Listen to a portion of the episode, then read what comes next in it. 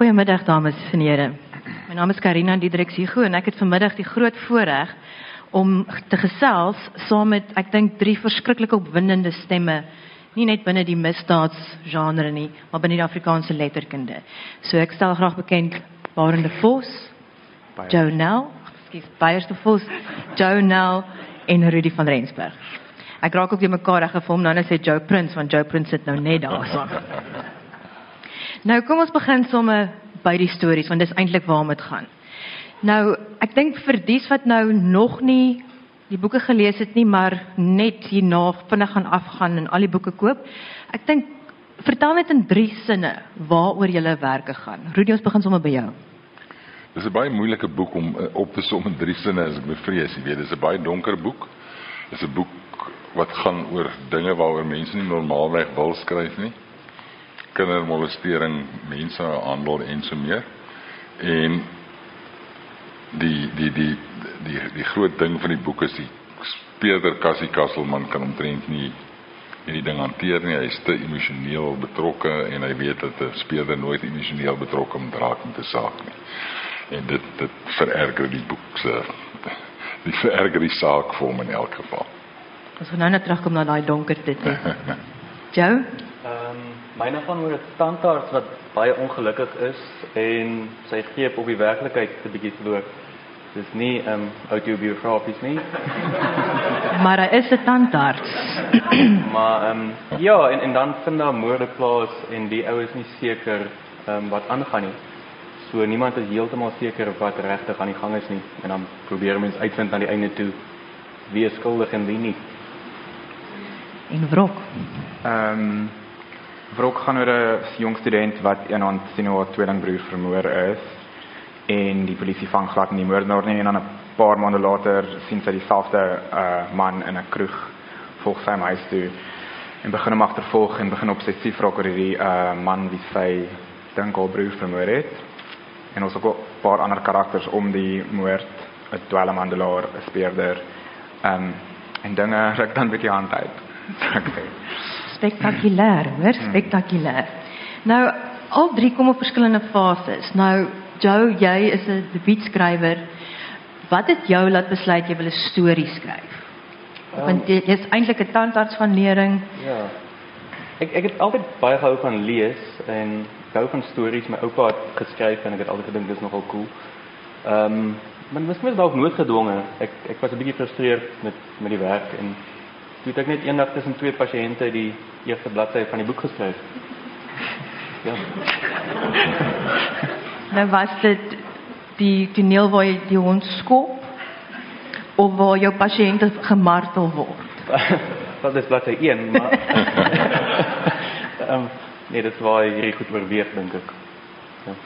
En vind jy dit maklik om die sprong te maak tussen skryf nou en om eintlik 'n baie wetenskaplike werk te doen?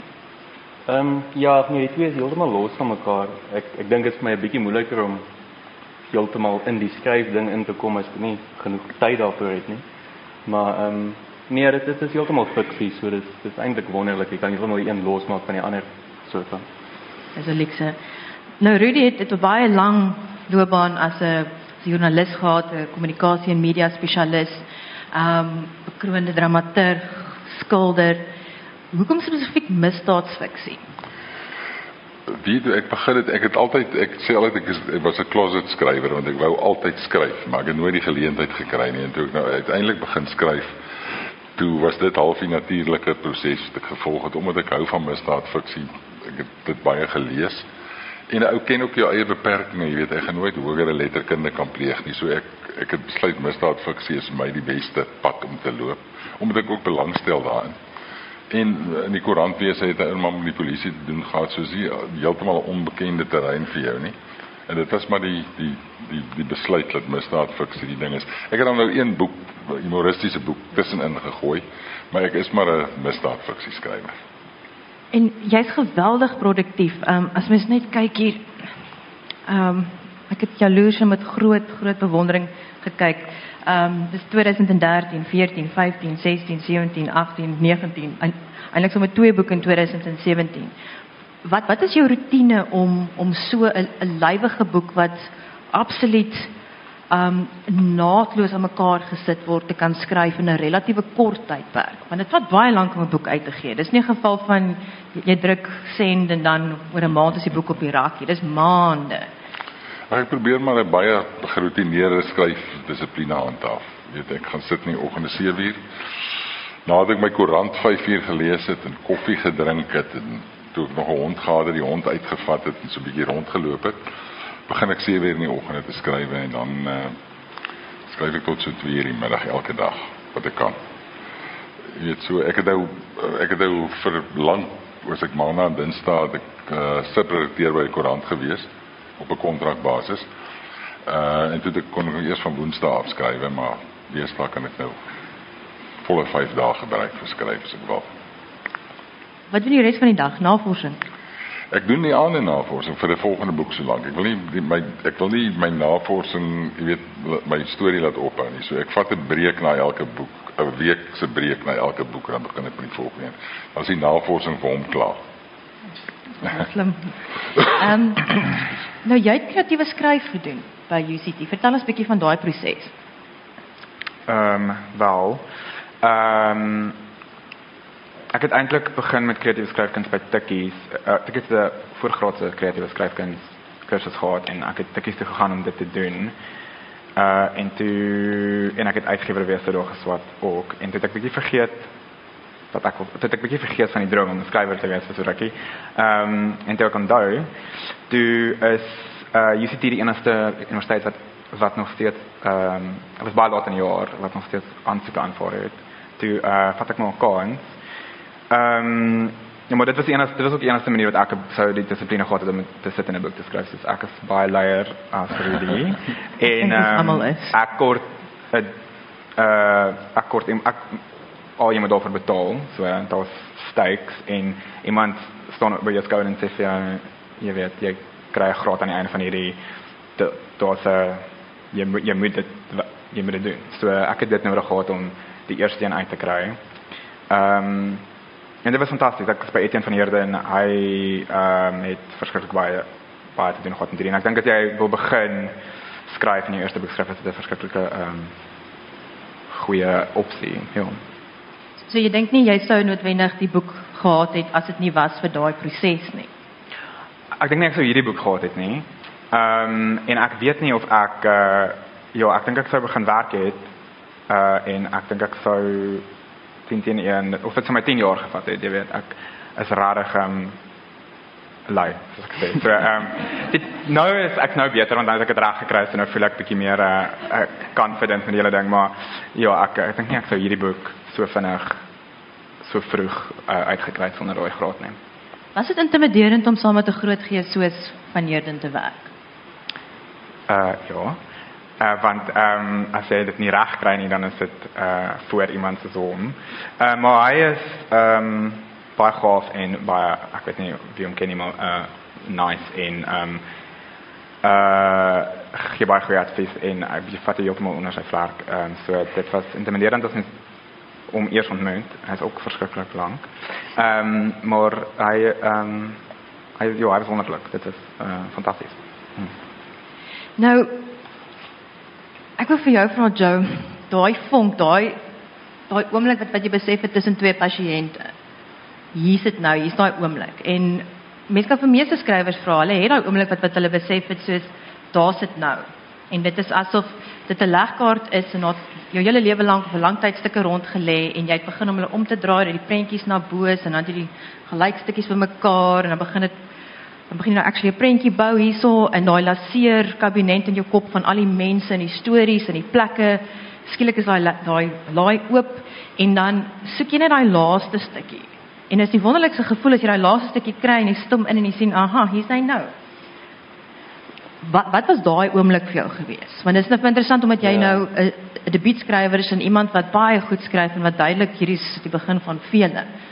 Wat wat is daai vonk vir jou? Ehm um, ja, hulle vra altyd wat wat wat kom vir jou eers is dit die karakter of die of die storie? En ek dink dit is baie baie moeilik om dit los te maak van mekaar. Maar vir my was dit baie spesifiek die frustrasie van een karakter. Ek het nie probeer om myself die karakter te maak nie, maar dit is regtig asof ek die ou se gevoel kon voel Dit is amper asof jy 'n ou ontmoet het en of net vandag ontmoet het en jy wil hom beter leer ken. En as ek dan genoeg tyd saam met die ou spandeer, dan kom die storie soort van van self. So ek ek dink wat vir my die vonk was was net dat ek regtig kon vereenselwig met die karakter of ek wou hom beter leer ken. En van daar af moet ek net tyd saam met hom spandeer en en dan natuurlik moet jy nou die plot uitwerk en stukkie vir stukkie goed bymekaar wat inpas, maar ek dink as dit as ek redelik sterk voel oor die karakter dan het al van daar hopelik. Ek het nog net een boek geskryf. Het jy eers geskryf en nie geplaat nie of geplaat soos wat jy skryf of het jy begin skryf en toe gaan stil staan en 'n lang proses Ek het baie min geplot, byna niks nie. So ek het so half 'n um, gevoel gehad van die rigting wat die storie gaan ingaan. En ek het altyd geweet wie ek dink is goed en sleg. Maar um, ek het maar so 'n stukkie vir stukkie gevat. Ek het baie keer voor 'n toneel sal ek 'n bietjie sit en dink en daai een toneel miskien in my kop weer sien afspeel. En dan natuurlik verander ek of ek maar baie goed weer verander ook met die tyd saam. Maar ek het nooit 'n raamwerk gehad van van hoe dit gaan uitspeel nie. Wat 'n bietjie gehelp het, later het ek 'n idee gehad waarheen die mense gaan gaan. Hulle gaan sê net maar Oos-Kaap toe gaan en dan weer terugkom. En en dit het 'n bietjie struktuur gegee aan die hele storie, maar nee, ek het nie nie geplot nie. Rudy, dink jy die skrywer bepaal die storie of die karakter of karakters? Nee, in my geval ek werk bietjie andersom. Ek ek ehm ek soek 'n omgewing eerste.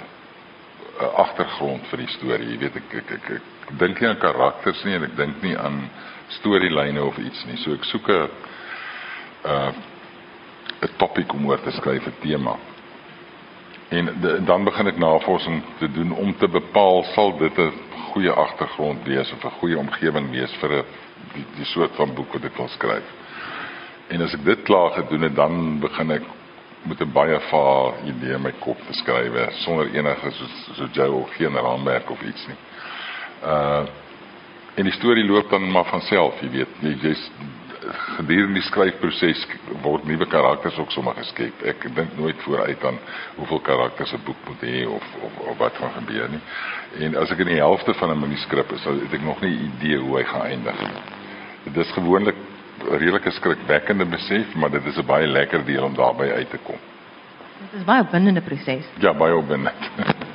Ehm um, ek het hierdie week het ek twee interessante teenstrydige opinies ge, gelees oor hoe ka hoe jy misdaadsroman moet aanpas. En soos ehm um, Jeffrey Deaver het gesê jy sit nie hoofstuk 1 neer voordat jy nie presies weet wat die laaste woord is wie die moord gepleeg het, daai boek is kant en klaar nie.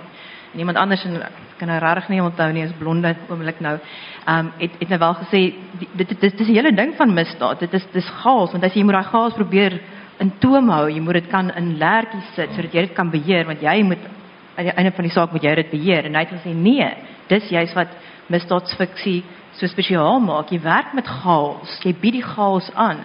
Jy kan dit bloot bestuur of aanbied, maar moet dit nie inperk. Ek dink my probleem eh, moontlik ook Jousen wat nou sê hy werk nie 'n raamwerk nie.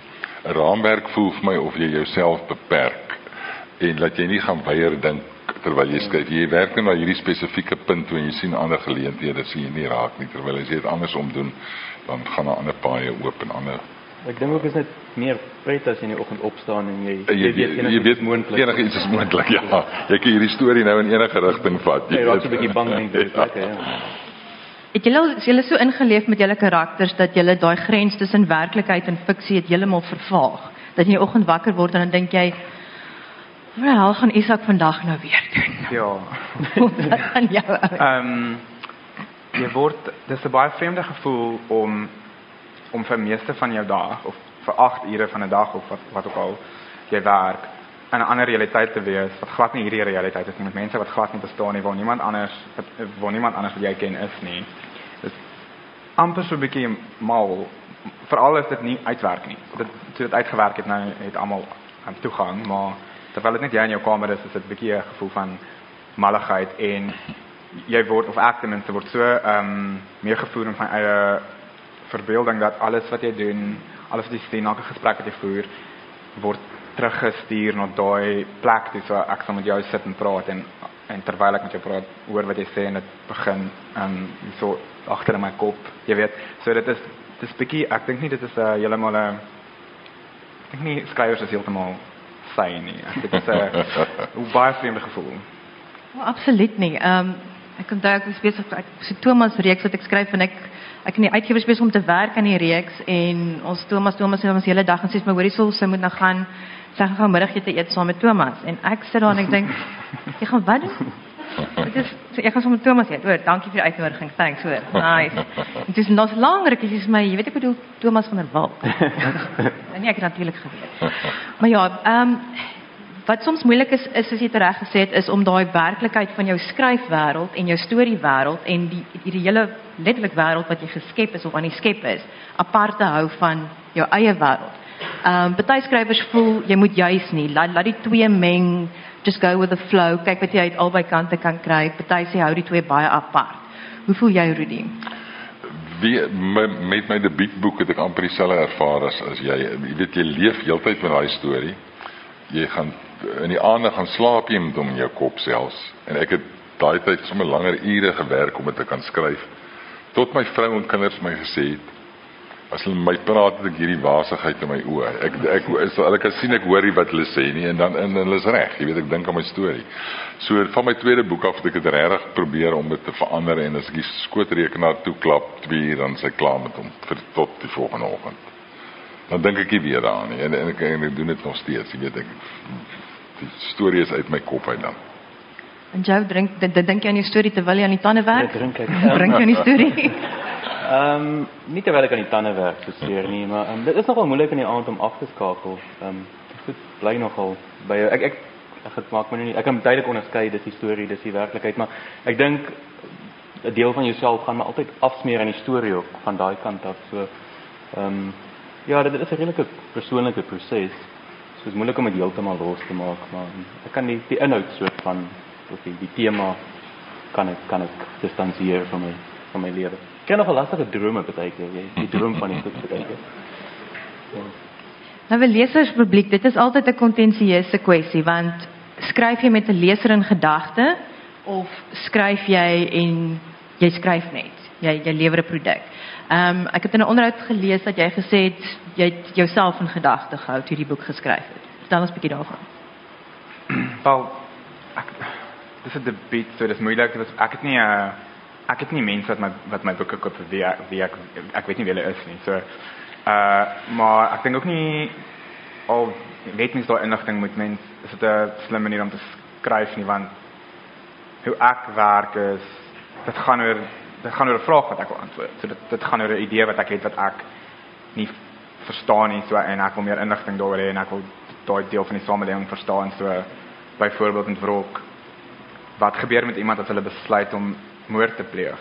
Daai proses waardeur iemand gaan ehm um, is was my baie interessant en dit is 'n groot deel van ons samelewing en en dit is dit is so 'n uh, ekstreem so ekstreem idee en ek het gedink hoe hoe los ek hierdie idee op? Hoe kan hoe maak ek sin van dit? En ehm um, dis hoe kom ek skryf? So ehm um, jy weet jy, jy doen dit om jouself geïnteresseerd te hou maar ook om om die wêreld te verstaan.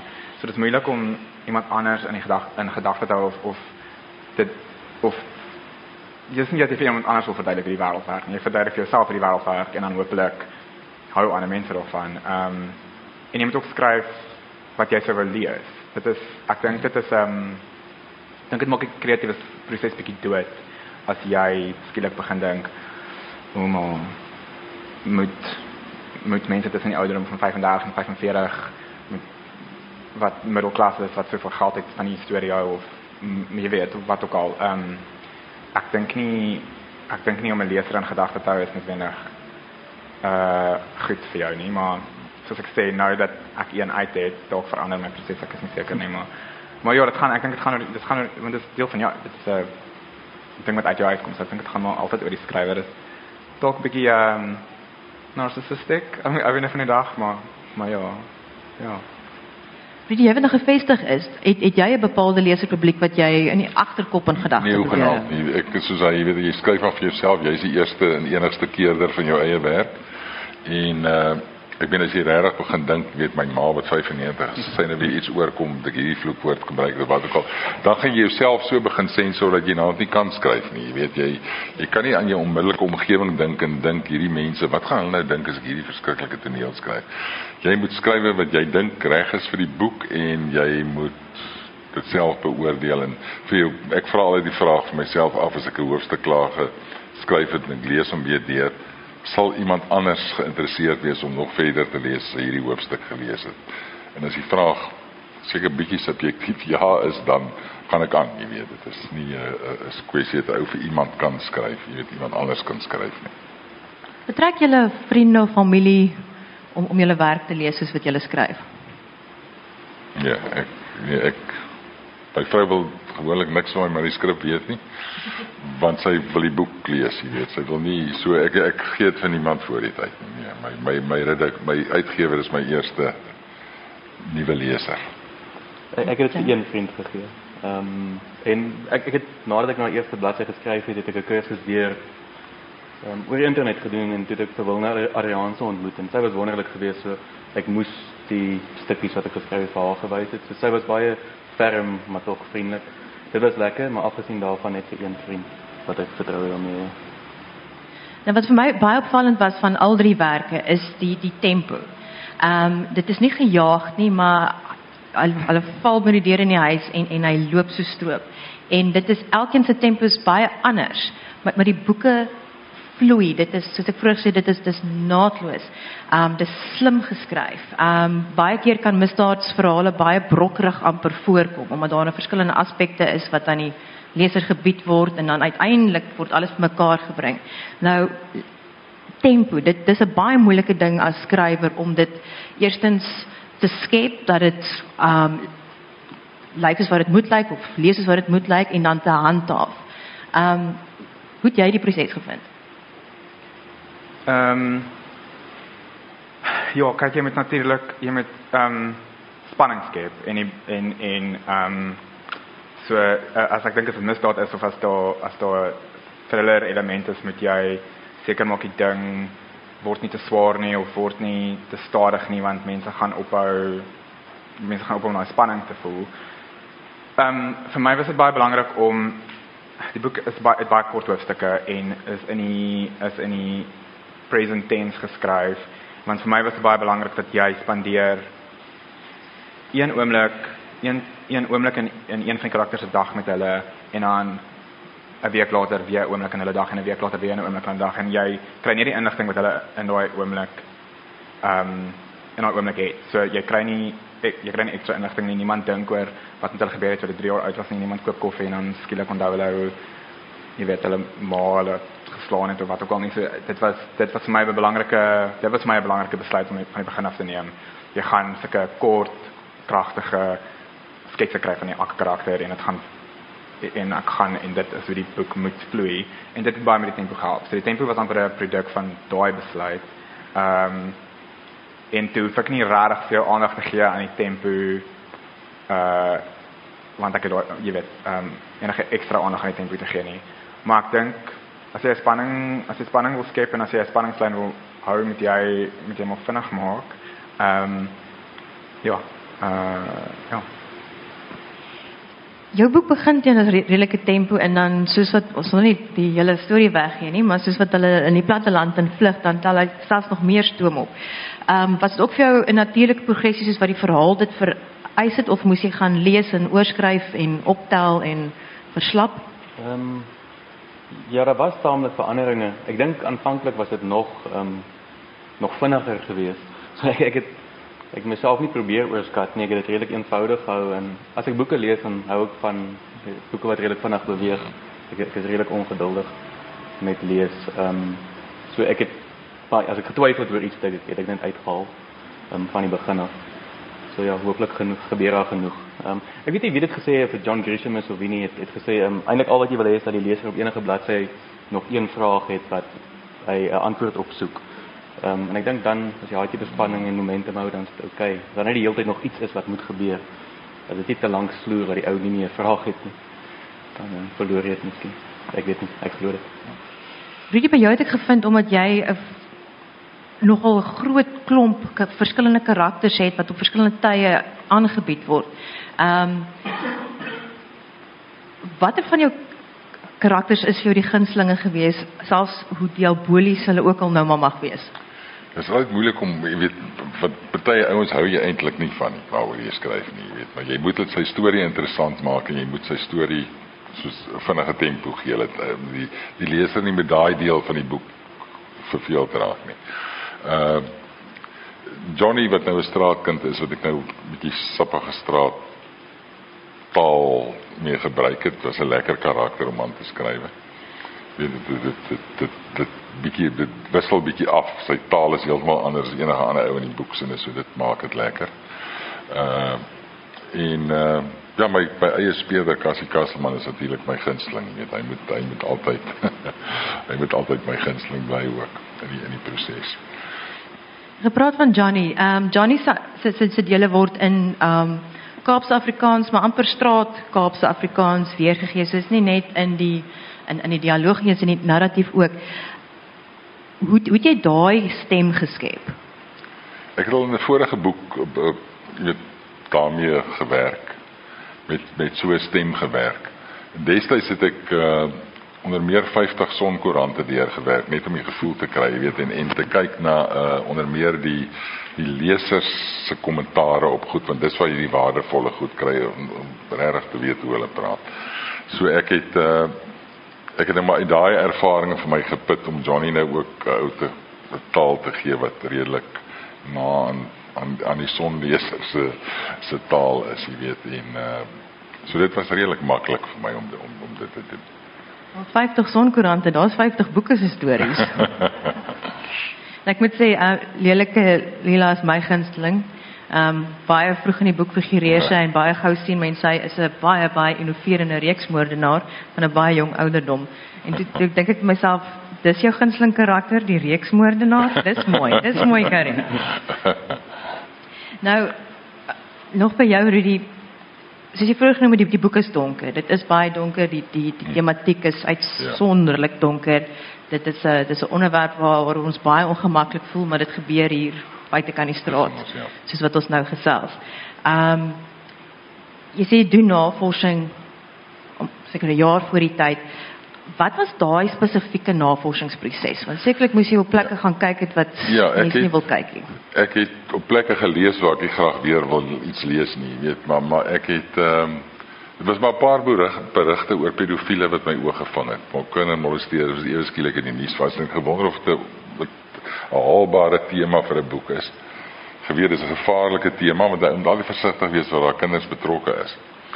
So ek het begin navorsing doen, verskriklik baie navorsing doen op verskeie plekke. Ek het met baie mense gaan praat. Uh en dit, dit jy weet ek was heeltyd bang ek ek oorskry die grense van fatsoenlikheid wanneer dit by kinders kom. Jy weet, so ek het baie dele oorgeskryf, uitgehaal, herskryf en so meer. Uh maar maar dit is 'n onderwerp my naam so diep in 'n depressie gekry het, jy weet in, 'n skryfdepressie ingekry het. Die navorsingsdeel veral.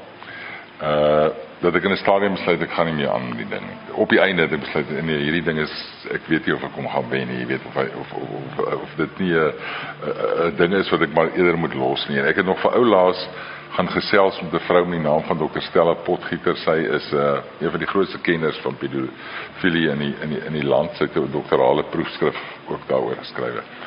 En haar dit was die keerpunt, haar passie oor die, hoe sy hierdie misdaad wil bekamp en hoe ongelooflik groot hierdie probleem is, jy weet.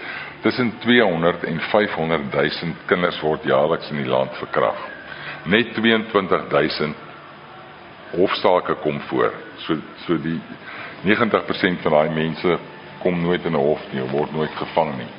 En dit is net kinderverkrachting. Dit is sluit nie uh kindermolestering op ander maniere in nie. Uh en en jy weet interessante statistiek wat uitgekom het my nogal verras het. Ek in my kop was 'n pedofiel altyd 'n ouerige man wat met 'n jas agter 'n bos staan en wag vir 'n kind. Jy weet daai tipe van prentjie wat in jou kop het. Terwyl die meerderheid pedofiele tussen 16 en 40 jaar oud is. Jy weet baie interessante goed wat uitgekom het en en dan die die die amper die die vreeslikste deel waaroor mense hierdie mense ook jammer moet kry is dat 50% van alle pedofiele is as kinders gemolesteer. So hulle lewe fantasie weer uit wat hulle as kind gehad het. En ongelukkig die kinders wat hulle molesteer, 50% van hulle gaan ook weer pedofiele word.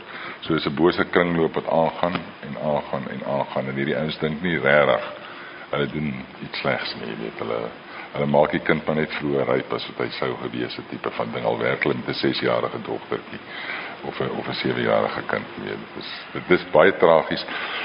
En dit het my regtig gevang. Ek ek was teen die grond naand met die navorsing. En daai vrou Stella Potgieter moet ek 'n prys voorgee. Sy moet 'n gratis boek kry onthou wat ek vir haar instuur. Want sy het die keerpunt veroorsaak en weet my laat besluit ek het daar op Maams vir die gesien toe ek wegry te besluit ek, ek kan nie hierdie vrou nou drop nie. Ek ek moet hierdie boek skryf. Jy skryf ook oor daai mitiese wêreld wat ons net van hoor maar ons weet dis daar van Ja. deep web en die dark web. Ja, ja. Ehm um, Nou dis 'n vreeslike wêreld die dark web. Ek meen die donker web. Ek weet nie of enige een van julle ondervinding van die donker web het nie. hopelik nie. Ek het nee, hopelik nie. Uh die, die oppervlakte web wat ons ken, wat ons op werk, Facebook, al die goeders wat ons doen. Uh is is is groot. Maar die, dan kry jy die volgende vlak is die deep web wat hulle in Engels noem, wat baie groter is. Alle maatskappye inligtinge goed word daar bestoor, maar dis in terme van grootte twee maal groter as die oppervlakte web. En uit hierdie deep web het die het die dark web ontwikkel want dit is 'n plek waar jy gewaarborg is dat inligting vertroulik bly. En dit is uit dit begin deur die FBI om uh na, die nasionale agentskappe en goed se inligting uh veilig te hou. Jy moet 'n spesiale prog programmatuur met die naam van Tor koop op jou rekenaar laai sodat jy toegang tot die dark web kan kry. Nou by die dark web kan jy jy kan nou hier moor uh, moordenaar vir jou uh in die hande kry. Jy kan uh, hier soldate kry. Jy kan dwelms koop, jy kan kinderpornografie kry soveel as jy wil. Jy kan gesteelde kredietkaarte koop.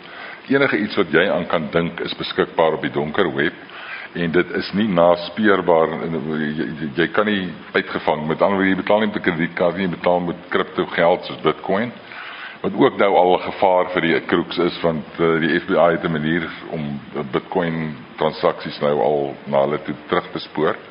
So hulle gebruik nou Monero om te betaal wat heeltemal onnaspeurbaar is. 'n uh, ander soort kripto geld. So dis vir hulle veilig en uh, dit en net laastens Facebook het ek nou maar as 'n voorbeeld geneem van hoe gevaarlik sosiale media is. Uh Facebook self het 2 jaar terug toe ek die navorsing gedoen het, uh, erken dat 11% van die Facebook profile vals profile is. Dis 140 miljoen mense wat drie keer Suid-Afrika se bevolking amper is. So hierdie dis 'n ongelooflike wegkruipplek vir uh pedofiele kindermolesteerders, mensehandelaars en al hierdie hierdie snaakse ouens. Uh en en jy weet daar's geen uh, Facebook bepaal dat 'n kind 13 moet wees voor hy kan 'n profiel skep, maar daar's geen uh hulle kan dit nie regtig jy weet die ou kan op 9 begin as hy wil. En en ongelukkig Suid-Afrikaanse ouers is nie altyd so ingelig oor waar hulle kinders oral in chatrooms en in in hierdie goeters betrokke raak met mense nie. So kort is dit die die gruwel verhaal wat ek moes moes deurwerk. Nou ek dink is daar ons 'n bietjie luister wat hulle geskryf het. So Rudy terwyl jy nou aan die woord is, lê vir ons 'n stukkie lees asseblief. Ja, weet jy die boek is so donker nie. Ek het nou deur hierdie boek gekyk.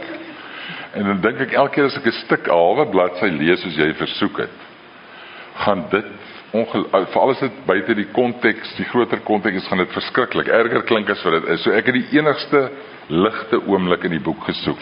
Dat ons nou nie op 'n donker noot met die boek eindig nie, jy weet. Uh en ek het hard gesoek om daai ligte oomblik te kry. En ek kyk waar is hy? Want daar is bitter min ligte oomblikke in die boek. Gaan maar oor my speler Cassie Kasselman wat jy weet sy gedagtes nie by van die saak kan afkry nie. Nou begin ek die hoofstuk deur te sê. Cassie het sy sweetpak top aangetrek, die geel een wat nie wolletjies afgee nie. Sy kopliggie en vergrootglas bril opgesit, latex handskoene aangetrek en sy stel haartangetjies uitgepak. Toe ywerig be begin met die gehalte audit van sy oosterse seels. Maar gou besef sy konsentrasievlak is nie voldoende nie. Gaan hy gaan nie vanaand reg laat geskied aan hierdie baie belangrike been van sy navorsingspoging om hom by die crème de la crème van posseelversamelaars aan te sluit nie. Soos 'n karateka streef na 'n dan, streef elke ernstige versamelaar daarna om onder die wêreld se filatelie adel gereken te word. Maar dis nie 'n game wat jy sonder 'n kopliggie behoorlike vergrootglas 'n volle konsentrasie kan aanpak nie. Verg nougesette aandag aan die fynste detail, want een klein foutjie kan jou goeie naam skaad. Cassie het al gesien hoe posseel glitterati op die ashoop gewerp word na die geringste flater by 'n seelskou. En vir literatuurkringe is dit 'n skande wat vergelyk kan word met die van Olimpiese atlete wat met opkikkers betrap word. Vanaand, Cassie besef, is sy fokus nie skerp genoeg nie. Toe het hy maar gaan stort, sy cholesterolpil al gesluk, 'n koppie rooibos gemaak en die TV aangeskakel. Dis inderdaad die heel ligste stuk in die hele boek. ja. Maar maar dit is die die verligting wat wat wat Cassie bring. Ek dink dit is hoekom hy so 'n suksesvolle karakter is. Ja. Ehm um, nou Joe, jy sê gereeld dit is nie autobiografiese werk nie. Ehm um, waar trek mens die streep tussen jy put uit jou ondervinding en jy weet die stel stories waarmee jy kom en iets iets wat jy direk joune maak. So, ehm um, ek weet nie regtig nie. Ehm um, ek ek dink die goed wat ek gebruik het is eintlik meer die omgewing daarom as as die karakter. Ek het sy frustrasie miskien gedeel. Ek kan seker nie ehm um, wel erken as ek as ek meer geleen het nie. Maar uh, nee, ehm um, ja, vir my is dit so moeilik nie. Ek ek gebruik omgewings en plekke wat ek goed ken, veral omdat ek nie skryf ervaring het nie. Dis goed dat ek voel ek meer oortuigend kan beskryf. So dit speel af in die Oos-Kaap, ehm um, die woonstel waar hy bly, het ek ook eintlik in gebly. Ek noem dit nie by die naam nie. Ek het net gedink dit makliker om goed te beskryf wat ek redelik goed kan sien in my kop, maar ehm um, nee, die die res is, is redelik redelik definitief fiksie. Die eerste bladsy miskien nie soveel so nie. En as ek 'n bietjie bang om langs dit is. Ehm um, asseblief, sal jy vir ons 'n stukkie lees? Ehm um, goed, ek gaan sommer die eerste bladsy lees. Uh dit is nie so seer die beelde wat hom ontstel nie. Die donker beelde kry al vir maande. Mevrou Malgas, die 10-jarige Elden Bruintjies, Nosipo Boniswa. Vandag is dit Jolinda van Vieren, white trash, dom gesig en gemering oral. Haar tande is vrot. Drie huilende snotneuskinders wag in die wagkamer. Gaan jy my nou inspuit? Ek haat tandartse. Julle is die mees terribelste mense op aarde. Die naald sink tussen haar oë in en buig. Die blink tandarts spuit van vlekvlees, vlekvrye staal tref die skeel hard. Bloed. Sy hand lig weer op en kap onder toe. Haar oë is groot, vol vrees. Haar skok is eers stom. Onder sy linkerhand driemel haar kop. Dan kom die gille. Harde roue, bloed op sy handskoene op sy gesig. Hy versterk sy greep en druk op hard af teen die stoel. Nog harder roue, harder, harder, harder. Dan stilte, hemelse fucking stilte. Nee, dit is die sagte klemming van sy vingers wat hom vandag ontstel. Die doelbewuste bedwang en die moontlikheid van stilte. Dis bladsy 1. Dis fiksie. Maar dis fiksie verseker ons.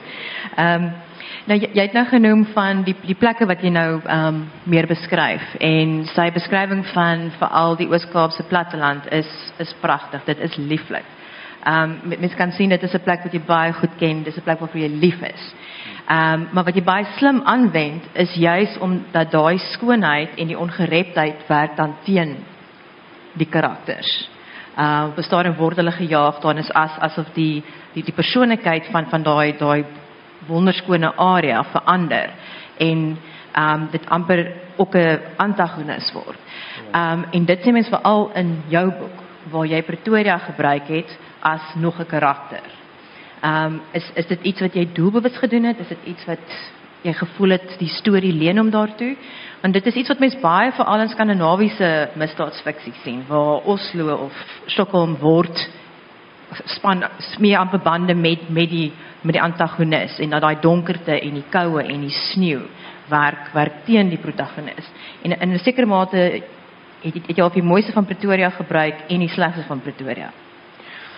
Uh ja, so ehm um, Pretoria in die eerste plek want uh ek dink Kaapstad en Johannesburg is gedoen en bietjie onoorspronklik, so as jy 'n nuwe boek gaan skryf, vir my Kaapstad en Johannesburg. Ek kom van Pretoria af, so ek ken die stad baie goed. So toe was die uitdaging wat is me, wat is meeste mense se indruk van Pretoria uh, en hoe kan mens bietjie daai indruk vervreemd? Ehm um, maar ook ek het baie belang gestel in die idee dat karakter jy weet al die karakters in hierdie boek is het ervaar verskriklik baie trauma uh, uh en het verskriklik baie geweld in hulle lewens al gehad. En en die verhouding tussen 'n mens en die plek waar hulle is dink ek verander. Bedoel as ek en jy ehm um, by dieselfde straat ook verby loop elke dag maar op daai straat ook het uh ek 'n verskriklike groot trauma uh, ervaar dan gaan dit vir my heeltemal 'n ander ervaring wees om daar verby te loop. En as dit, dit die straat ook is waar jy waar jou man waar jy verloof geraak het dan gaan dit jy weet so daai ehm um, hoe verander die omgewing waarin die karakters is? Die karakter en hoe verander die trauma wat deur die karakters is die plek. En toe ek met daai idee begin speel dit word Pretoria skielik 'n verskriklike donker my ervaring van Pretoria is glad nie donker nie maar dit word Pretoria skielik 'n baie donker uh omgewing. En as jy ehm um, as jy dan kyk na die historiese trauma wat in elke Suid-Afrikaanse stad is dink ek, maar veral in Pretoria, uh toe dan word daai idee uh selfs vreemder. So vir my was dit belangrik om seker te maak dat ek dit kan uitbeeld want ek dink dit maak die stuk interessanter en ek dink misdaad fiksie is juis uh is juis die genre waarin jy wat gaan oor die oor die plek en die tyd waarin jy skryf. Jy weet as jy as jy Romeo en Juliet skryf wat ook al, dan ehm um, jy kan dit jy kan dit vat en jy kan dit in enige tyd werk, sit in enige plek en dit dit gaan werk, maar as jy misdaad fiksie vat wat in die 50s in Engeland geskryf is of in die 70s in Rusland of in die 90s in Noorwe of in 2019 in Suid-Afrika, gaan jy heeltemal 'n ander boek kry en atmosfeer kry en ehm um, so die so die dis 'n verskriklike lekker genre as jy wil skryf oor wat is Pretoria en wat is Suid-Afrika in 2019 en hoe het ons dit hoe verstaan ons dit en hoe misverstaan ons dit en hoe ervaar ons daai plek as as ons hele lewe vol geweld is en ek dink vir baie van ons is ons lewens vol geweld. So dit is my ehm, 'n um, belangrike ding om reg te kry en ek hoop ek het ja. Ehm um, ja, gepraat van ehm um, geweld in ons samelewing, ons ons ons samelewing met soos dit reg sê, ons ervaar geweld, ons ken geweld te goed, is te naby. Ehm um, Hoekom is daar so 'n gewildheid rondom die staatsfiksie terwyl ons eintlik 'n getraumatiseerde samelewing is? Ja, ek dink die die die die ons is nommer 1 as misdaadskrywers redelik gelukkig om Suid-Afrika te wees en jy kan net die koerant oopslaan en jy klaar, jy weet een of ander storie wat wat jy aan kan werk. Dit is eintlik vreeslik tragies om te dink dat ons so bevoorreg is in daai opsig om om heeltyd blootgestel te word aan misdaad. Uh waar die skandinawiese skrywers hoe genaamd nie daai ervaring het nie, jy weet ek mens wonder hoe daai ouens so goed is in in in die misdaad. Maar uh ek dink die feit dat 'n misdaadboek daarom altyd goed eindig, dat die bose oorwin word. Ek dink dit is 'n groot trekpleister vir 'n vir enige leser, jy weet. Hy, hy weet hy gaan spanning beleef en hy gaan verskriklike dinge beleef in die boek. Maar uiteindelik weet jy in jou agterkop daarom dat hierdie ding gaan goed eindig. En en al weerspieël dit nie altyd die werklikheid in Suid-Afrika nie, dink ek is dit 'n bevredigende 'n bevredigende aansporing vir 'n leser om om so 'n boek te lees. So dis daai closure wat ons kry in ja. dat ons nie in die samelewing. Wat ons nie in die samelewing kry nie, ja. Ek ek dink mense hou ook maar net van 'n raaisel. Ehm um, die Skandinawiërs lees ook mos baie soos ek verstaan baie misdaadboeke en wat het baie min misdaad so. Ek dink dit is net 'n wenresep. Jy kry dadelik 'n vraag wat iemand op 'n uh, antwoord wil hê. En dan in Suid-Afrika het jy soveel moontlikhede omdat ons so 'n diverse landskap het. Ehm um, so dit baie baie om mee te werk. Ehm um, maar ek dink misdaadstories is dadelik jy wil weet wie die, wie dit gedoen. Ehm um, en daarom lees jy aan, dis hoekom mense hierdie ehm um, programme kyk wat dit ehm um, FBI of MCIS wat dit kom in. Maar hoeveel van daai goed is ek weet nie. Ek kyk dit ook. Dit is baie keer voel dit eintlik dis nie sulke slim stories nie, maar dit lekker om te kyk van jy wil weet jy wil weet wat het gebeur, wie skuldig. Alles is 'n bietjie onrealisties ook. Maar ek dink ook ehm um, ek dink ook mense mense konfronteer met die, reali die realiteit van die geweld in ons land want mense wil verstaan hoekom dit gebeur. So ek ek dink die ander ding is ehm um, jy dit gebeur in die samelewing dit ge, dit ge, dit is dit is 'n verskriklike ding wat een mens aan 'n ander mens kan doen. En ek dink ehm um, mense wil verstaan hoe so iets kan gebeur en ek, ek dink dit is een van die ehm um, dit is iets wat mens tot fiksie kan regkry om om antwoorde te bied op hoe is dit moontlik dat een mens kan besluit hulle wil 'n ander mens vermoor en en waar kom waar kom dit vandaan en dalk bietjie as ons dit beter kan verstaan, dan kan ons dit beter ver, verduidelik, jy weet. Hopelijk. Wel, ek het sê 'n polisieman eendag vir my gesê jy kan die gruwelikste moord uitdink wat jy as skrywer, as fiksieskrywer. Hy kan my waarborg dat al iewers gebeur in die lewe. Al iewers in die werklikheid gebeur, jy weet. En dit is nogal waar. As mense dink aan al die al die griesame verhale wat die afgelope paar jaar in Suid-Afrika afbuilmoorde en goed met gesinne uitgewis en so meer.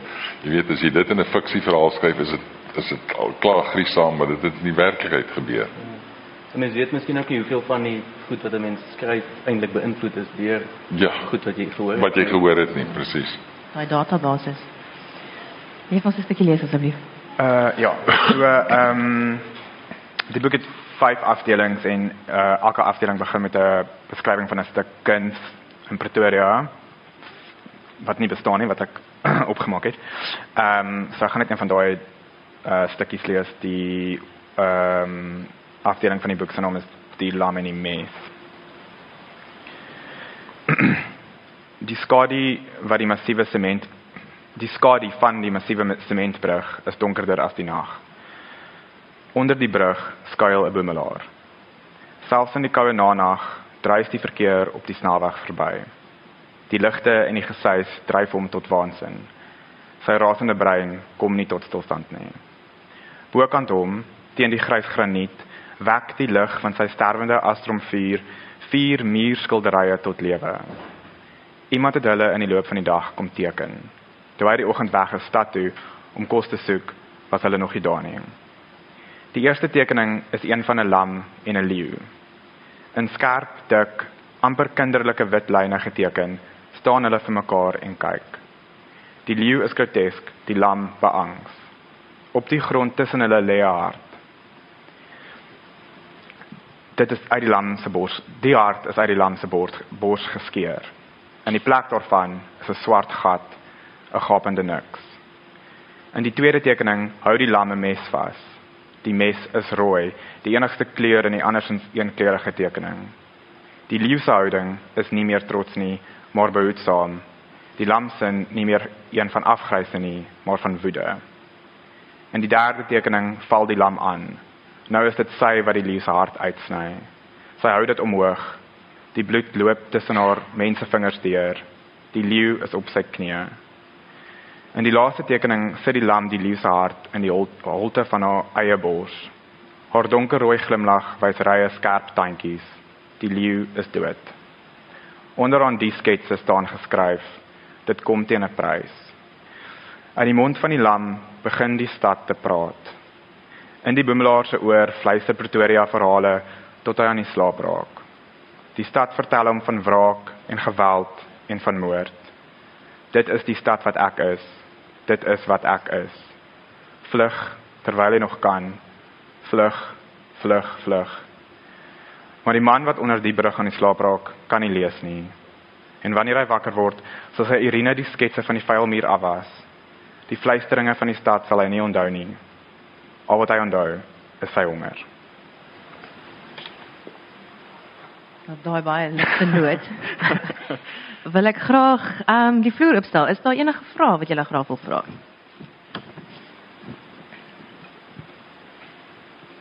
Sylvia. As skrywer het jy nou al die mag en kan jy karakters maak net wat jy wil. Maar gebeur dit nie soms erns middel van die boek dat karakter eintlik 'n ander pad vir jou stap? In my geval het dit gebeur as ek antwoord. In Piranha het ek 'n karakter geskep wat toevallig die ou by die uh die Kaapse Afrikaans praat. En my voorneme en plan met hom soos die boek gevorder het is dat hy nie 'n gelukkige einde gaan hê nie, jy weet.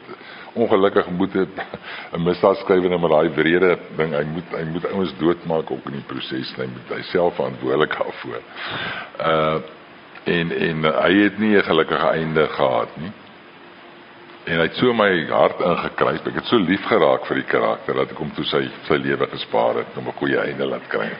So dit gebeur soms. Ek weet nie of dit altyd met altyd met almal gebeur nie, maar Ja, die die skrywery is is my baie doelbewuste proses. Dit is nie heeltemal so romanties soos wat baie mense dink nie. So jy sit en dink en en worstel met die storie, maar baie keer voel dit tog of die storie klaar geskryf is en jy dit net moet raak sien. Ehm um, en dan voel dit 'n klein bietjie buite buite jou beheer. Ek het glad nie daai ervaring nie. Ehm nee, my karakters is ehm um, ek dink baie keer is baie of of skrywer het 'n skrywer het maar ehm um, op van die dag is maar net 'n op jy iets skryf as 'n misdaadroman wat wat 'n spesifieke paadjie volg. My boeke is is uit is uitgeplaas vir die tyd. En en ehm um, ek moet op 'n spesifieke einde kom wat baie belangrik is. So baie keer is lamp 'n funksie van die storie. Uh so ek het nog geen karakter gehad wat my ehm um, verbaas het nie, nee. Mm -mm. Ons hoor wat sê van die volgende boek. Nog 'n vraag? Ek het al gevra vir die vraag tegnies. Dit moet 'n boek seker lengte hê. Uh die skrywer se aandag of nie.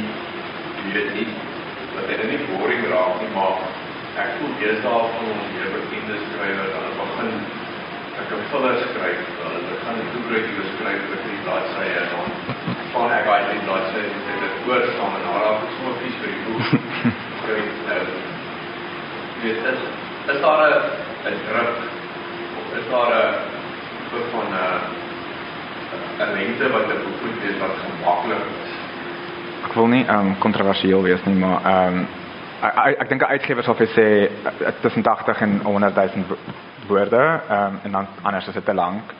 Ehm um, en hulle sal ook sê of of myne het dat eh uh, sodra jy meer as 100 000 woorde raak dan begin mens sukkel.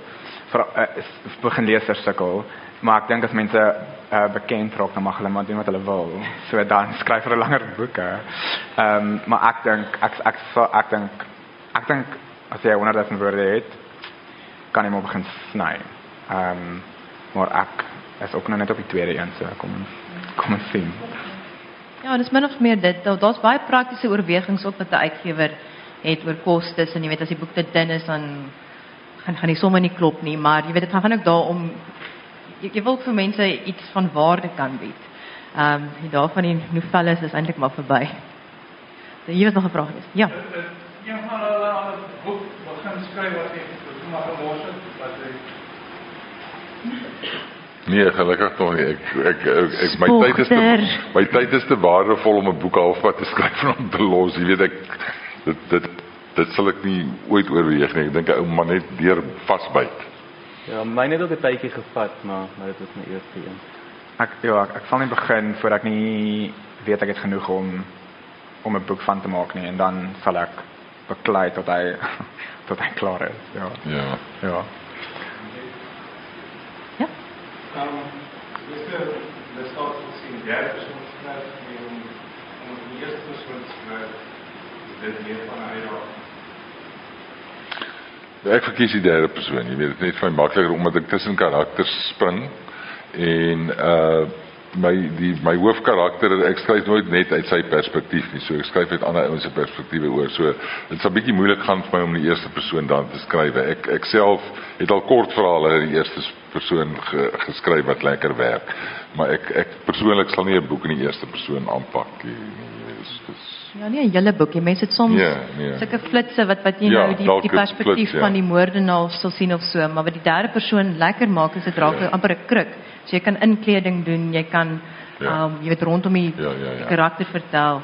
Ehm um, wat dit net 'n bietjie makliker maak. Ek dink met die noem hulle dit beperkte derde persoon. Wa- waar jy baie subjektief ek nie so baie tegniese kennis hier maar dis baie subjektief. So dit gee 'n bietjie speling dink ek om om te kies hoe naby jy aan die karakter wil wees. Waar eerste persoon kan die leser miskien 'n bietjie geboelie voel dat hy met die ou moet vereenselwig. Dit so ek het voel dat ek dit lees baie keer so. Obviously die ouens skryf baie keer eerste persoon, maar ehm um, dan moet jy wel goed wees, veral in Afrikaans ehm um, skryf jy moet baie keer in die in, in die hede. Waar in Engels is nog in die verlede tyd, dan voel dit 'n bietjie verder verwyder. So jy moet nogal goed wees dink ek om om dit te doen. Uh, ek wonder of ek nou 'n fout gemaak het, maar ek ek stem saam met derde persoon is makliker, maar ek hou van die eerste persoon en ek uh is nou besig met iets waar in die een karakter, of is 'n karakter in wie in die eerste persoon geskryf word. En sy is 'n reeksmoordenaar.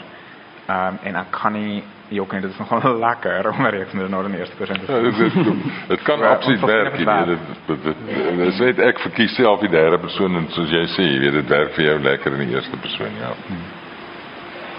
Nog 'n vraag? Ek het 'n kommentaar, ek. Ek ek geniet die uh, die idee van ons misdaadfiksie in Suid-Afrika. Ek hou van literêre engagement. Ek hou van ek hou van wat really doen is met ys en hoe so ek hou van omdat ons landskap uh so realisties is as misdaad van.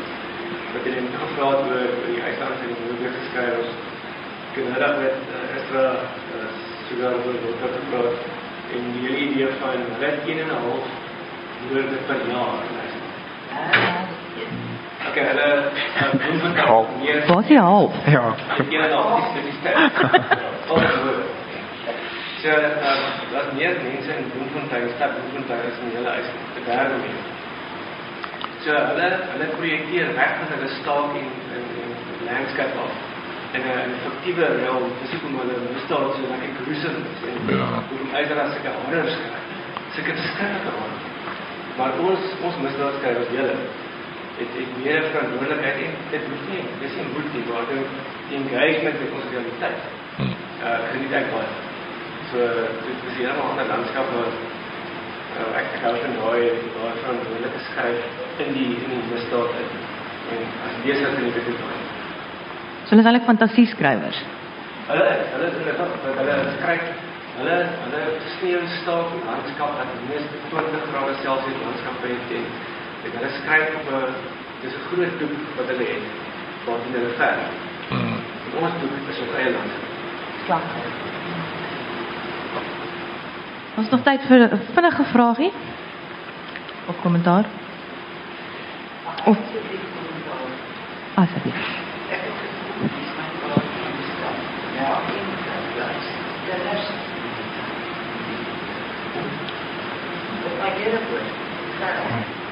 Dit is jammer, dit glad nie wat jy gekry het nie. Daar is sens aan. Dis dis wat ek wil sê. Ek is so bly ek het die. Dis weer. Wat is die ander moontlikheid melk en vleis? Dis O, o. O ja ja ja, kinders, gehoor. Ja. Dankie. Nou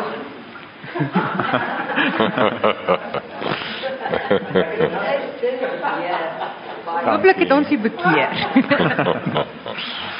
Dan wil ek vir julle sê Rudy, Joe, baie baie baie dankie. Dankie. Julle gespreksgenote gewees en dit is baie opwindend om sulke knetterende stemme op die Afrikaanse literêre toneel te hê. En ehm um, ek neem aan julle gaan nou direk huis toe om verder te skryf. Jy's klaar geskryf vir vandag, maar die res van julle nie. Wyn drink. en baie dankie dat julle gekom luister het.